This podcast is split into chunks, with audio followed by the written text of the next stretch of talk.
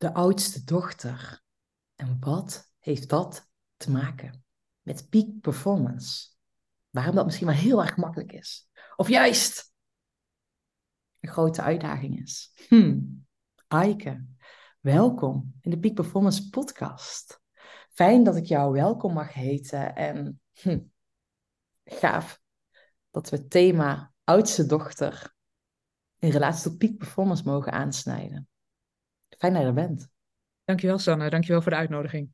Ja, echt. We hebben net al, uh, we hadden net al de podcast natuurlijk aan moeten zetten. We hebben al een mooi voorgesprek.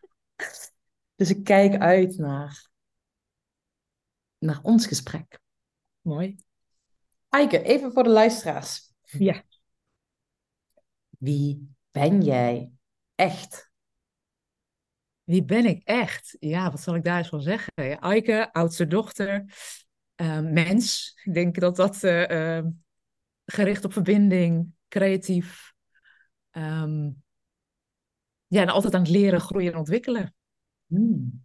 Ondernemer, opsteller, partner, um, moeder van twee tienerdochters, dochter, zus, vriendin. Ja, zo kun je een hele, een hele rij opnoemen met, met wie je bent en wat je doet.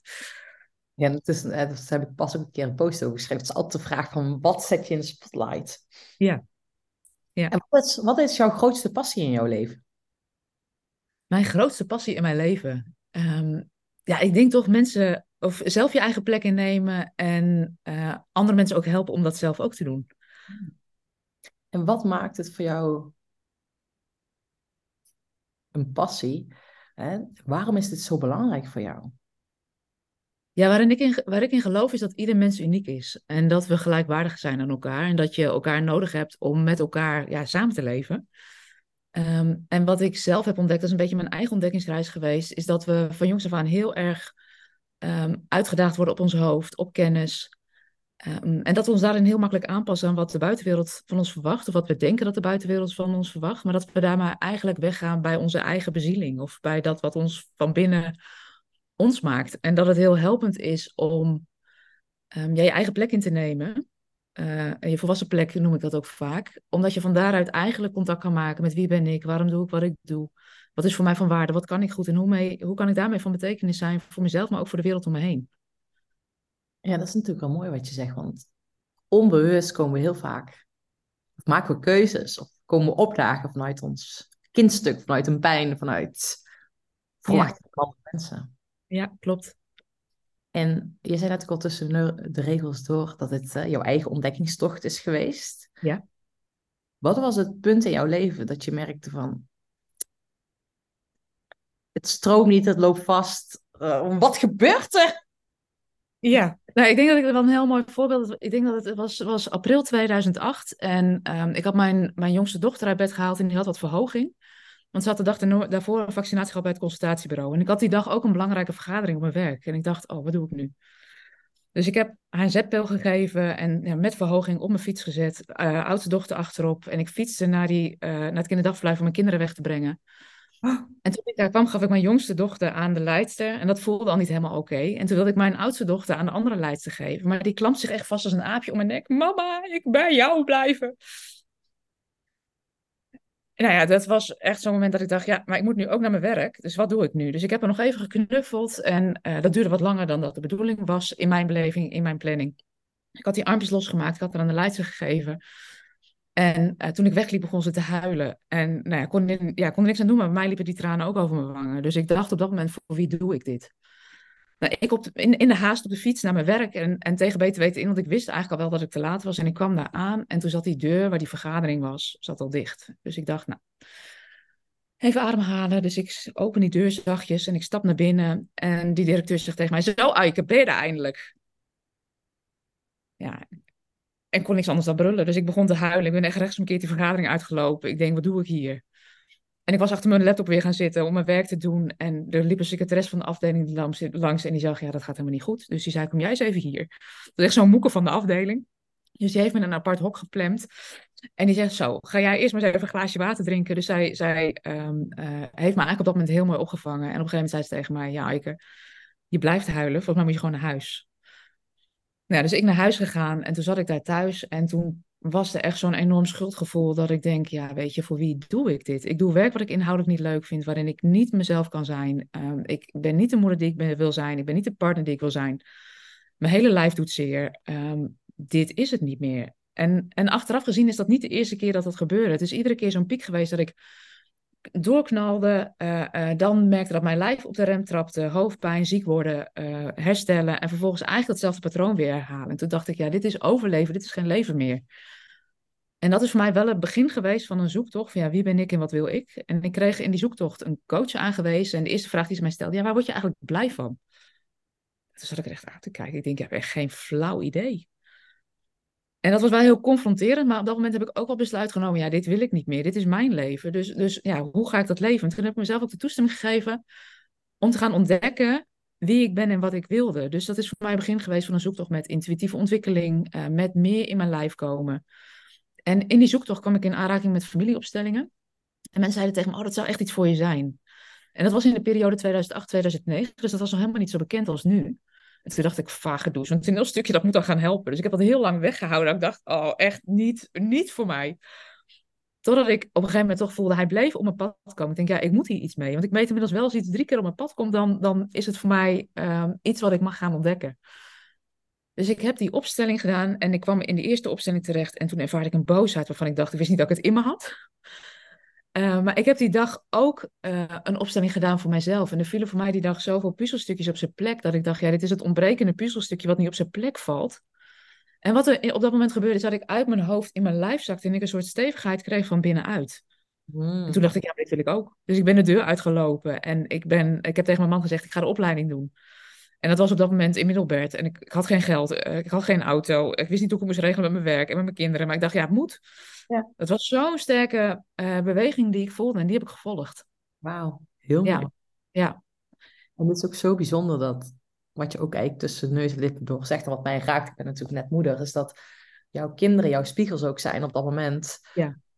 Voor, hè, dat is waarom ook onze kinderen bij ons zijn, om jou als ouder te laten schitteren. Hè? Dat is ja. hun enigste wat zij jou spiegelen, is dat jij straalt.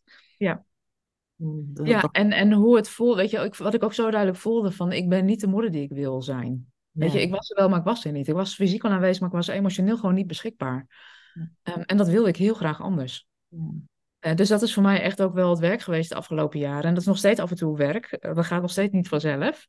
Ja. Um, maar dat is wel wat, wat het opstellingenwerk me heeft gebracht. En wat er ook daarna gebeurde, ik werd echt zo'n zendeling. Iedereen moest aan de opstelling. Ah! en dat werkte natuurlijk helemaal niet. Dus, dus ik heb ook wel geprobeerd van, kan ik dat systemisch werk integreren in mijn baan in loondienst? Ik werkte toen nog bij de gemeente. Ja, dat ging helemaal niet. En toen voelde ja, als ik dat niet kan in, in, in, in de organisatie waar ik werk, dan ga ik het zelf doen. Ja, ja. Uh, dus toen ben ik in 2012 mijn bedrijf begonnen. Um, en systemisch werk natuurlijk, je wil iedereen insluiten. Dus mijn bedrijf heette Stroom 8, inzicht in ontwikkelen voor mensen, team en organisatie. Ja. Ik kan je wel voorstellen wat er dan gebeurt. Iemand is hem, niemand is hem. Ik was, wilde er voor iedereen zijn en daardoor was ik voor niemand interessant. Ja. En ik heb alle beginnersfouten gemaakt die je als ondernemer kan maken. Ja. Uh, maar dat is wel het begin geweest van, van eigenlijk mijn, mijn persoonlijke ontdekkingsreis. Vanaf het moment dat ik vastliep tot waar ik nu ben. Fantastisch, wauw. Dat is mooi, bijzonder moment. En ook, ik vind het ook wel heel mooi dat je zo verwoordt van dat ene moment dat je dat nog zo helder weet. Van dat moment, moment waar je dacht, oké, nu moet het anders. Ja. En, uh, mooi dat je, die, dat je die stappen hebt genomen, want volgens mij of volgens mij, ik weet zeker dat heel veel mensen weten dat ze die stap moeten nemen en het niet doen. En je hebt het toen gedaan. Ja, en dat is denk ik wel, waar, waar die voor mij in zat, is dat ik mezelf, wat achteraf gezien een heel belangrijk moment is geweest, is dat ik mezelf de toestemming heb gegeven om het te gaan ontdekken. Zonder mezelf te verplichten dat ik op het moment dat ik dingen ging voelen of me ergens bewust van werd, dat ik meteen de stap moest zetten. Hmm. Dus ik heb Um, ik wist wel dat ik, weet je, ik wil mijn eigen leven leven, maar, maar hoe ik dat vorm ging geven, wist ik niet. En ik heb mezelf de toestemming gegeven dat ik dat stapje voor stapje mocht gaan ontdekken. Oh, dat is wel heel mooi wat je zegt, want die herken ik zelf ook. Ja. Uh, ik weet niet of je dat dan ook herkent, is, ik heb zelf gehad, hè, na mijn topsport wist ik al dat hè, het werk wat ik nu doe, is ambitieuze mensen begeleiden. Dat ja. wist ik toen al dat ik dat wilde doen. Ja. Maar je weet het, daar ken je ook wel allerlei mindfucks en allerlei stemmetjes en overtuigingen en omgeving. En je moet er zelf een soort van, oké, okay, ik wil het, maar je moet er nog een soort van aan wennen en herijken dat dat zo is. Ja. Um, En door het uitspreken jezelf toestemming daarvoor te geven en tijd voor te nemen, dat er ineens spontaan dingen op je pad komen en je denkt, oh ja, maar nu kan ik niet meer terug. Nu moet ik het ook gewoon gaan doen. Ja, en dat je ook wel getest werd, hè? Want wat ik, wat ik zelf ook wel, wel veel zie bij oudste dochters en ook zelf wel herken, is, is, weet je, op het moment dat je echt voelt van, van ik had bijvoorbeeld in 2016, ik, ik combineerde mijn baan in loondienst met mijn eigen bedrijf. En in 2016 voelde ik heel duidelijk van, ja, weet je, het is nu tijd om echt mijn baan in loondienst los te laten en echt te gaan voor het ondernemerschap. En ik had op mijn werk steeds gezegd, ja, ik kan mijn werk niet goed doen doordat de samenwerkingspartner in de wijk ook er niet is. En we hadden een duo-functie, dus het was echt een, we hadden elkaar nodig om het werk te kunnen doen. En um, dus ik had tegen mijn leidinggevende gezegd van ja, weet je, ik, ik zeg mijn baan op. En toen zei hij tegen mij, um, nou, dat heb ik dan nu gehoord, uh, maar ik wil dat je erover na gaat denken en dat je echt een brief gaat schrijven en dan is het officieel. En toen kwam hij die middag naar me toe en hij zegt, ja, Eike, weet je, ik heb, uh, ik heb er even over nagedacht en maandag uh, start jouw nieuwe collega. Um, blijf je? Ja, en, en dat was echt dat ik dacht, ja, ik had steeds gezegd, ja, kan, weet je, uh, uh, ik, ik, ik heb weer het gevoel dat ik het aan beide kanten niet goed kan doen. Uh, maar ook een enorme loyaliteit naar mijn werk en naar mijn collega's. En naar, weet je, dat ik dacht, ja, ik kan het ook niet zomaar loslaten. Maar dat ik toen zo kon voelen, zo van, ja, ben ik nu trouw aan mezelf of ben ik trouw aan wat mijn omgeving van me verwacht? En toen dacht ik, nee, ik, ik, stap, ik zet nu door. En wat dan ook wel heel bijzonder was, en ik heb toen inderdaad mijn baan opgezet, ben voor mezelf begonnen. En we waren een weekendje weg geweest om dat moment te markeren van uh, uit, uitloondienst naar echt zelfstandig ondernemerschap. En toen zat ik die maandag op kantoor of op, op, ja, achter mijn laptopje. En ik dacht, ja, en nu dan? Um, en eigenlijk diezelfde week kreeg ik een vraag van een, iemand uit mijn netwerk. Die zei, hey, ik heb een team wat niet lekker draait. Wil je ons helpen? En uiteindelijk heeft uh, die opdracht hetzelfde opgeleverd als een maandsalaris. Ja. Dus eigenlijk in die eerste week kreeg ik al de bevestiging. En ik kreeg weer kippenvel als ik het ook zeg. Um, en, en ik heb heel vaak van dat soort signalen dat ik, het, dat ik een soort tekens krijg dat je op de goede weg bent. Of dat het klopt wat je doet. Ja, en dat aan de ene kant. Maar je zegt ook dat, dat je getest wordt om ja. trouw te blijven aan je eigen keuzes. Klopt. Dat jou, je hebt je baan opgezegd. En hoe vaak is het nou dat je je baan opzegt en dat je baas komt, maar blijf je toch gewoon? Ja. Maar ik denk dat, dat, we, dat bijna iedereen zo'n moment kent. Dat je, dat je voelt, nu ga ik die stap zetten en dat er iets is waardoor je toch uh, blijft zitten waar je zit. Ja. Um, en dat kan van buiten komen. Nu kwam die van buiten ook voor die, door die leidinggever. Maar hij zit vaak ook in onszelf. Want op het moment dat je die spannende stappen gaat zetten, komt ook, ja, ik noem het vaak je innerlijke rechter naar boven. En dat is die stem die je veilig wil houden. Die zegt, weet je, dit is wat je kent. Het is al goed. Um, uh, en wat ik bij heel veel oudste dochters zie, is dat we het eigenlijk best heel goed voor elkaar hebben. Hè? In de basis hebben we het goed voor elkaar. Dus de neiging om die spannende stappen te zetten, die zijn er ook niet altijd. Want het is toch oké. Okay. Weet je, als je jezelf vergelijkt met anderen, dan heb je gewoon een mooi leven. En wie ben jij dan dat je nog iets anders wil of nog iets meer wil? Maar jezelf dan ook het beste durven gunnen, die is gewoon ontzettend belangrijk. Oh, daar wil ik zo wel nog verder over die bomen. Want um, ik herken dat voor mezelf. Ja. Dat ik. Vertel, vertel. Ja, wat ja, je? Ja, sowieso wil ik daar nog weten hoe jouw zoektocht is uitgekomen bij oudste dochters. Ja, maar goed. Ik zal eerst even over mezelf, wat ik zelf merk, is. Ik heb afgelopen jaren ja, ben ik succesvol? Weet je, dat vind ik ook altijd. Hè? Maar ik merk gewoon, het stroomt en datgene wat ik wil, dat realiseer ik. Ja. Dus daar twijfel ik niet over. Um, en dat ik ook nu op een punt sta. Denk, ja, maar ja, um, ik heb een uitspraak gedaan dat ik bijvoorbeeld naar een half miljoen toe wil groeien omzet. Maar ik merk, ja, dan word ik gewoon echt, waarom? Weet je wel? Ik voel gewoon ja. alles, daar zit de urge niet. Dus Um, dat ik daarin aan het puzzelen ben van, of ben geweest, want ik voel nu wel waar de urge wel zit. Ja. Uh, en die herken je denk ik ook wel, maar van, weet je, dat je weet gewoon, oh ja, maar ik heb die dromen die ik had, die heb ik gewoon gerealiseerd. Ja, herkenbaar. En nu dan? ja. En ik dacht dus voor mezelf dat die in een omzetdoel zat. En ik voel nu, en ik, oh, ik merk ook gewoon dat het helemaal op gaat tintelen. Maar ik ben heel benieuwd hoe dat bij jou is. Ik merk nu dat het bij mij dus zit juist van, ik wil datgene wat echt in mij zit, die, datgene waar ik van ga bruisen, waar ik van ga stralen, dat dat volle bak de wereld ingezet mag worden. En dat is wat ik te doen heb. Gaaf. Ja, en, en wat ik zelf ook wel voel, weet je, zo'n omzetdoel kan ook leeg voelen. Hè? Want het is ja. dan, sowieso op het moment dat je een grote omzetdoel zet, eh, krijg je, krijg je weerstand uit je omgeving van doe maar normaal, weet je, je hebt het toch al goed, het moet toch ja. niet meer. En wat ik bij mezelf wel eens merk, is dat ik denk, dan moet ik nog harder werken. Uh, uh, om, om het te realiseren. En, dat, dat, en die klopt niet. Maar waar voor mij ook wel het verlangen in die groei in zit, bijvoorbeeld ook in omzet, is omdat ik ook merk dat op het moment dat je meer omzet maakt, dat je meer mensen kan helpen, dat je um, uh, de juiste mensen kan inschakelen die je helpen, maar ook als je meer verdient, dat je je geld ook kan besteden aan doelen waar jij ook in gelooft. Ehm, omdat ik ook geloof dat je daarmee ook een maatschappelijk impact kan maken op de plekken waar jij in gelooft. Dus, dus als ik bijvoorbeeld kijk, ehm, vorig jaar ook gewoon een mooi jaar, ja, dan kan ik een volledig project van Stichting Microkrediet voor Moeders steunen. En waarbij ik denk, het sluit aan bij mijn missie. Het sluit aan bij vrouwen helpen om die gelijkwaardigheid in die wereld te brengen. Je eigen plek kunnen innemen. Ehm, ja, dat, dat, dat vind ik prachtig als je dat kan doen. En op het moment dat je omzet groeit, kun je dat ook meer doen. Ja, maar jij zei net, hè, want dat veel oudste dochters hier dus vaak problemen mee hebben om... Oké, ik heb het toch al goed, om dan weer... Ja. Die, hoe, hoe komt dat dan? Ja, ik denk omdat we uh, toch trouw en loyaal zijn, deel aan, deels aan ons familiesysteem en wat je daarin ook geleerd hebt. Um, want op het moment dat het met ons heel goed... We hebben natuurlijk duizend veel meer kansen dan onze moeders en oma's hebben gehad, hè? Als ik kijk naar mijn oma, die is nog teruggegaan naar haar ouderlijk huis toen haar moeder overleed en heeft haar broertjes en zusjes opgevoed. Als ik kijk naar mijn moeder, die hoefde niet te gaan studeren, want ze was een meisje en ze zou later toch moeder worden. Um, en ik zie, mijn moeder heeft daarna echt carrière gemaakt. En um, uh, maar pas toen wij er al waren, is ze gaan studeren en heeft ze die kansen gekregen. Ik ben dus, dus, dus. Um, pijn in mijn buik. Ja, maar ik denk dat, en, en ook wat je nu ook weer ziet, want ik werd, ik werd laatst ook weer zo boos. Je ziet bijvoorbeeld dat op dit moment in 2023 de loonkloof tussen mannen en vrouwen weer is gestegen van 5% naar 7,4%, omdat die startsalarissen van vrouwen gewoon lager zijn.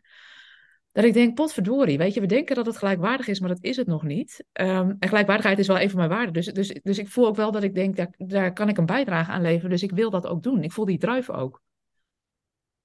Ja. Ja. Dus het is ook, wat kun je, wat, ja. Het is ook je potentieel willen gebruiken. Hè? Wat zit er in je en, en, en wat kun je nog meer ontwikkelen? Hoe kun je nog meer groeien? Ik denk, ja, is belangrijk. Dat is belangrijk. En, en omdat we, je zegt dus eigenlijk, hè, omdat we dus loyaal zijn aan ons familiesysteem. Ja. Vrouwen die ons voor zijn gegaan. Dat dat de reden is waarom we op een gegeven moment wel tevreden zijn met wat we hebben en niet. Nou ja, en we hebben ook geleerd dat we niet moeten vragen. Hè? Meisjes die vragen worden overgeslagen. Oh ja. Dus, dus het zit niet alleen, want het zit, het zit niet alleen in ons familiesysteem, het zit denk ik in het hele systeem. Ook als je kijkt naar um, er wordt gezegd dat we gelijke kansen krijgen. Um, maar als moeder, toen ik, begon, toen ik moeder werd, uh, eh, 18 jaar geleden, kreeg ik de vraag: hoe ga je het combineren met je, met je werk? Mijn man heeft die vraag nooit gehad. Um, als school belt, werd ik als eerste gebeld in plaats van mijn man. Um, dus het, het, beeld dat, dat vrouwen ook de mentale lood dragen van wat er thuis allemaal moet gebeuren. Ik denk, ik denk dat vrouwen daarin veel meer uh, belasting nog dragen. En dat het nog veel meer vraagt van kun je het echt gelijkwaardig krijgen met je partner, ja of nee? ik moet zeggen, wat dat betreft ben ik echt heel blij met mijn partner nu. Ja. Maar dat heeft denk ik ook, of denk ik, heeft ik zeker ook mee te maken dat er nu een nieuwe regeling is met ouderschapsverlof. Hè? Nora, mijn dochter is nu negen maanden. En uh, Bas mijn... Mijn dochter heet Noor. Wat zeg je? Mijn dochter heet Noor. Oh, echt? Oh, grappig. Ja, lachen. Ja, mijn dochter heet Nora. Ja, gelijk op elkaar. Um, en uh, ik ben zelf dus nu 2,5 dag maandag, dinsdag, woensdag op pad geweest voor een leiderschapsprogramma. Ja. En mijn vriend is gewoon standaard thuis, maandag, dinsdag, uh, woensdag in de ochtend. Hij heeft wisselende dienst. In de ochtenddienst is hij woensdag helemaal thuis. Ja. En uh, in de avonddienst tot drie uur, tot half. Ehm, dat vind ik echt wel heel uniek. Ons, hij is op dit moment meer in de week met Nora als bij mij, als ik. Ja. Dus daar vind ik echt wel, uh, ben ik heel dankbaar voor. Ja, dat is ook, weet je, je doet het ook samen. Hè? Je, je, je bent samen ouders van, van je kinderen. En, en dat, dat opzicht heb ik ook een gouden vent thuis zitten, die het, waarbij het ook echt gelijkwaardig is. Maar dat, dat was in het begin niet zo. Ik heb daar echt wel voor moeten strijden om dat gelijkwaardig te krijgen. Echt? Oh ja, ja. Ja. En het was helemaal geen onwil, maar ook, weet je, um, de, de mogelijkheden die hij kreeg vanuit zijn werk. Um, ja, en toch een beeld van wat er is over hoe je als vrouw of als man zou moeten, zou moeten zijn. Weet je, mannen, als ze op, op het kinderen komen ophalen op het schoolplein, wordt gezegd: hé, hey, wat uh, heb je papa de dag? Uh, terwijl van moeders wordt verwacht dat ze er zijn. En vrouwen zijn onderling ook best um, streng naar elkaar. Van als je veel werkt, doe je het niet goed. Als je weinig werkt, doe je het niet goed. Dus er zijn veel meer beelden, um, denk ik nog, waar we als vrouw tegenaan lopen of, of waar we aan willen voldoen. Terwijl ik denk, ja, het gaat erom dat je de keuze maakt die bij je past. Dus welke keuze je ook maakt, maakt eigenlijk niet uit. Dat klopt zeker. Ja, dat, dat, dat laatste vind ik heel mooi wat je zegt. Want dat is wat ik dus ook heb geleerd sowieso helemaal doordat ik moeder ben, maar van tevoren ook. Ja. Ik zei net voor de grap tegen mijn buurvrouw toen ik aan het wandelen was, kwam ik haar tegen. Onze vrienden wonen met 500 meter om elkaar heen. Ja. Gisteren had ik een vriendin aan de telefoon rond avondeten. En wij eten heel vaak met elkaar. Ze zei, oh, ik weet het niet. En ik heb stress en ik heb een drukke dag gehad. En, uh, en ik hing op. En toen heb ik haar teruggebeld. Zei, joh, ik heb de pasta nu in de pan liggen. Kom hier eten. Ja, super. En zij komt met haar kinderen. Haar vriend was weg. Uh, en ik denk, oh ja, dit is zo mooi dat we dit voor elkaar kunnen doen. Dat ik haar, zeg maar, kan helpen. Als ze eigenlijk gewoon zegt van, ik heb het gewoon druk. Goh, ik weet het niet. Hè? Hoe krijg ik het vanavond gehandeld met twee kids? En dat ik zeg, hey, schuif aan.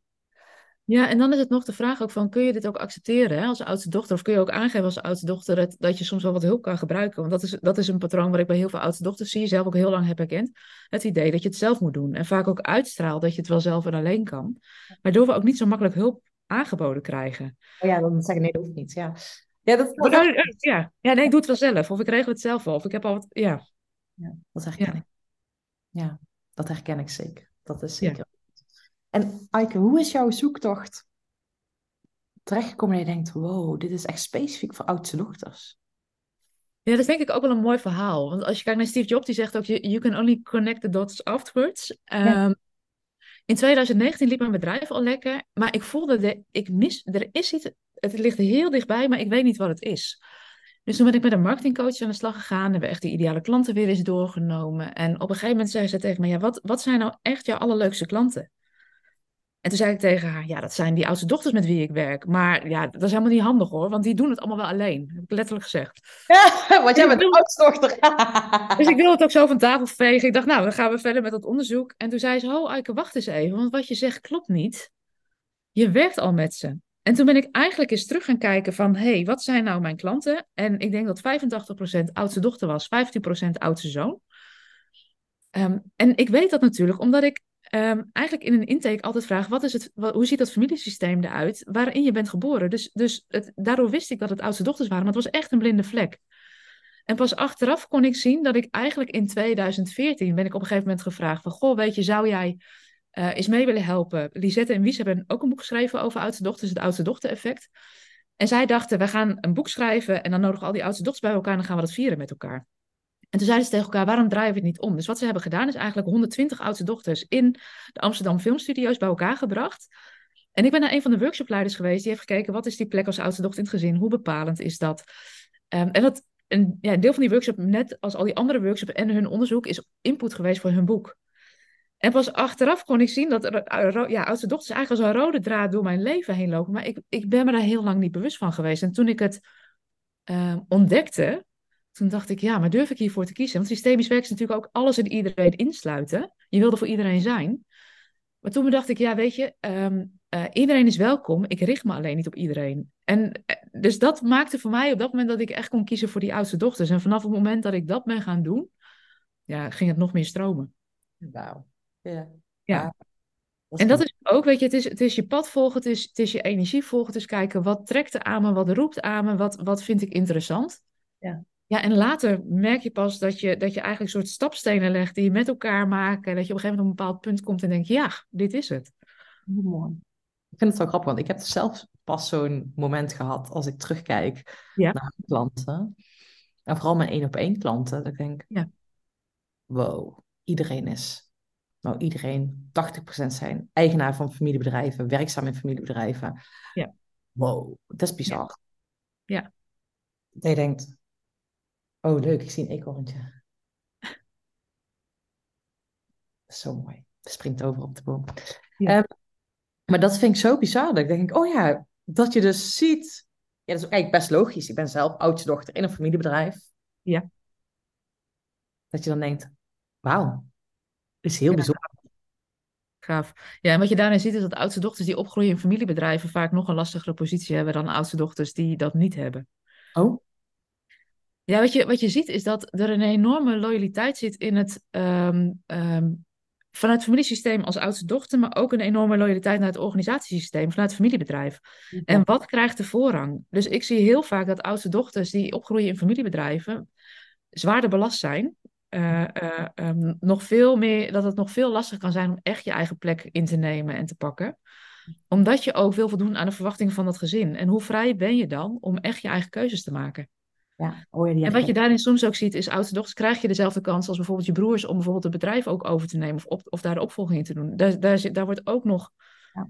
wisselend naar gekeken. Ik heb bijvoorbeeld een klant van mij in een bouwbedrijf en zij, ehm, zij is opgegroeid in een bouwbedrijf, heeft een bouwkundeopleiding, alle opleidingen die, eh, die ze had eh, kunnen doen, in, gewoon alles in huis om het te kunnen.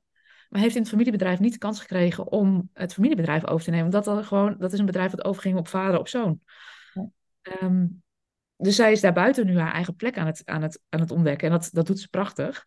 Ja. Ehm, maar ik denk dat oudste dochters en familiebedrijven, dat is gewoon extra ingewikkeld. Omdat, omdat je te maken hebt met die, dat familiesysteem en dat organisatiesysteem wat, wat in elkaar grijpt. Nou ja, wat, wat, wat er nu bij mij gebeurt, is je dit zegt, mijn ouders hebben een boerderij, hè? En het is echt een hele mooie plek. Als je op die plek komt en je denkt, echt, Ja. heel mooi. En mijn zusje, mijn jongste zusje, heeft de boerderij overgenomen. Ja. Als ik echt eerlijk ben, vraag ik me af of ze diep van binnen echt wil. Of zelfs zij het doet uit loyaliteit naar niemand neemt de boerderij over. Ja. Dus ik doe dat. Maar dat is haar lot. Dat is echt iets Ja. haar. Ja. Ehm, maar wat, wat, wat ik altijd heb gezegd, oké, als niemand het over gaat nemen, ga ik kijken wat ik daarmee kan. Ja, dus, dus, dus daarin zo, weet je, dat, dat- het is eigenlijk voor ouders vaak ook, ook een extra kind, hè, dat, dat familiebedrijf. Ja. Ja, dus er zit En dat ik die een loyaliteit voel van, hé, hey, als er niemand iets mee gaat doen, ga ik iets van die plek maken. Ga ik zorgen dat ik daar iets bij kan. Ja, en, het, en het, er zit een enorme kracht in, want er zit ook heel veel energie in. Maar het is de vraag, is het een keus die, die van binnenuit komt? Of is het een, een, een keus die gevoelsmatig van buitenaf komt of vanuit die, die familielijn? Dat je het gevoel dat je daar wat in moet.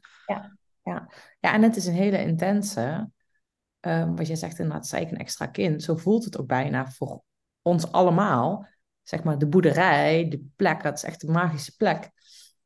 ehm, voelt voor ons allemaal als heel bijzonder. Ja. Dus, en dat zie ik ook nog wel bij meerdere die dat hebben, zeg maar. eh, een vriendin van mij is ook oudste dochter en die hebben ook een boerderij. Die, wordt, die boerderij is gestopt, die plek. Ja, dat is een ook een magische plek. Het is echt zo'n authentieke boerderij. Ja, weet je, die staan ze misschien wel op punt om te gaan verkopen, maar dat is heel ingewikkeld.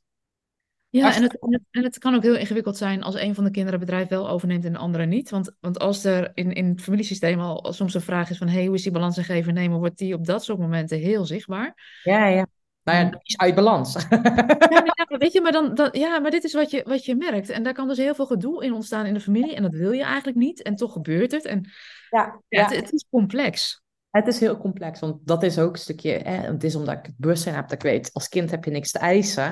Maar als je Ja. puur sec, rationeel gaat kijken, en ik gevoel, gevoelsmatig ook, denk ik. Ja, gevoelsmatig ook, is gewoon de balans tussen geven en nemen.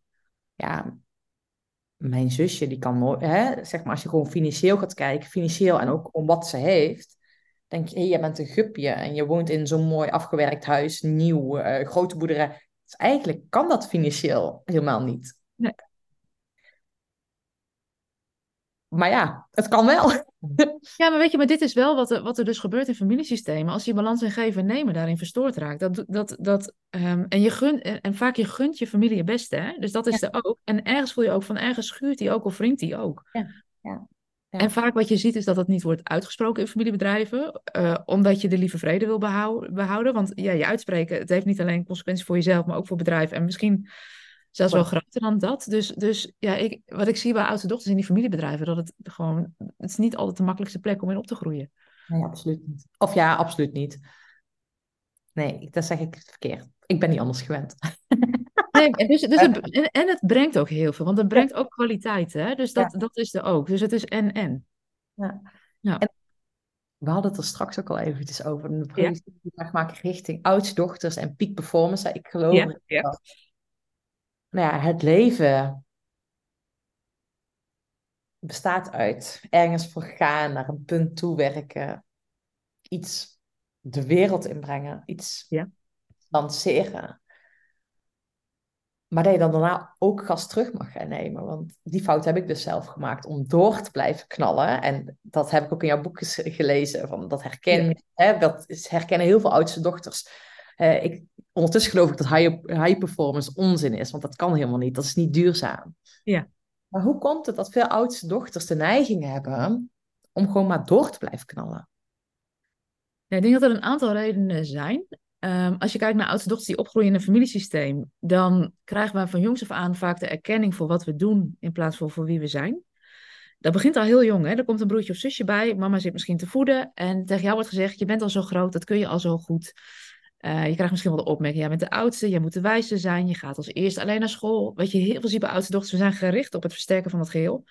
Dus binnen no time zijn we klasseoudste. Uh, zijn we de projectleider in de projectgroepen in onze studententijd, uh, hebben we vaak ook leidinggevende functies. Dus, dus dat grote verantwoordelijkheidsgevoel maakt dat oudste dochters dat gewoon goed kunnen.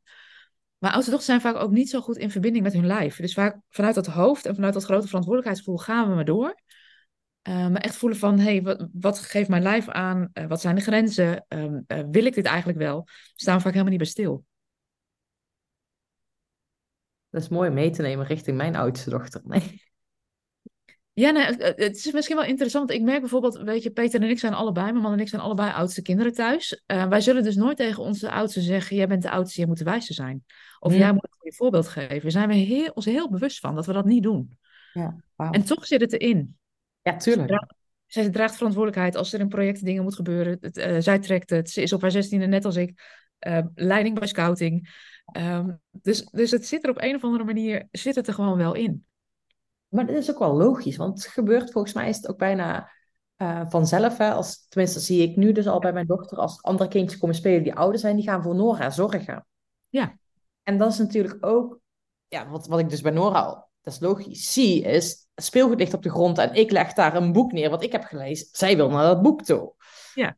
Uh, dus je wil, zeg maar, bij die ouderen horen. Of je wil, je ja. gaat de ouderen nadoen. Ja. Dat, nou, dat is zeg maar hoe wij we willen groeien en ontwikkelen. Ja, klopt. Zit er automatisch bijna in. Wauw. Ja, en, en daarin ook dat wat ik veel zie bij oudste dochters, je dan net over peak performance. Ik had het later mijn mama spiegelde. Hij zei tegen me, Aike, je bent niet bezig met een sprint, hè? Je bent bezig met een duurloop.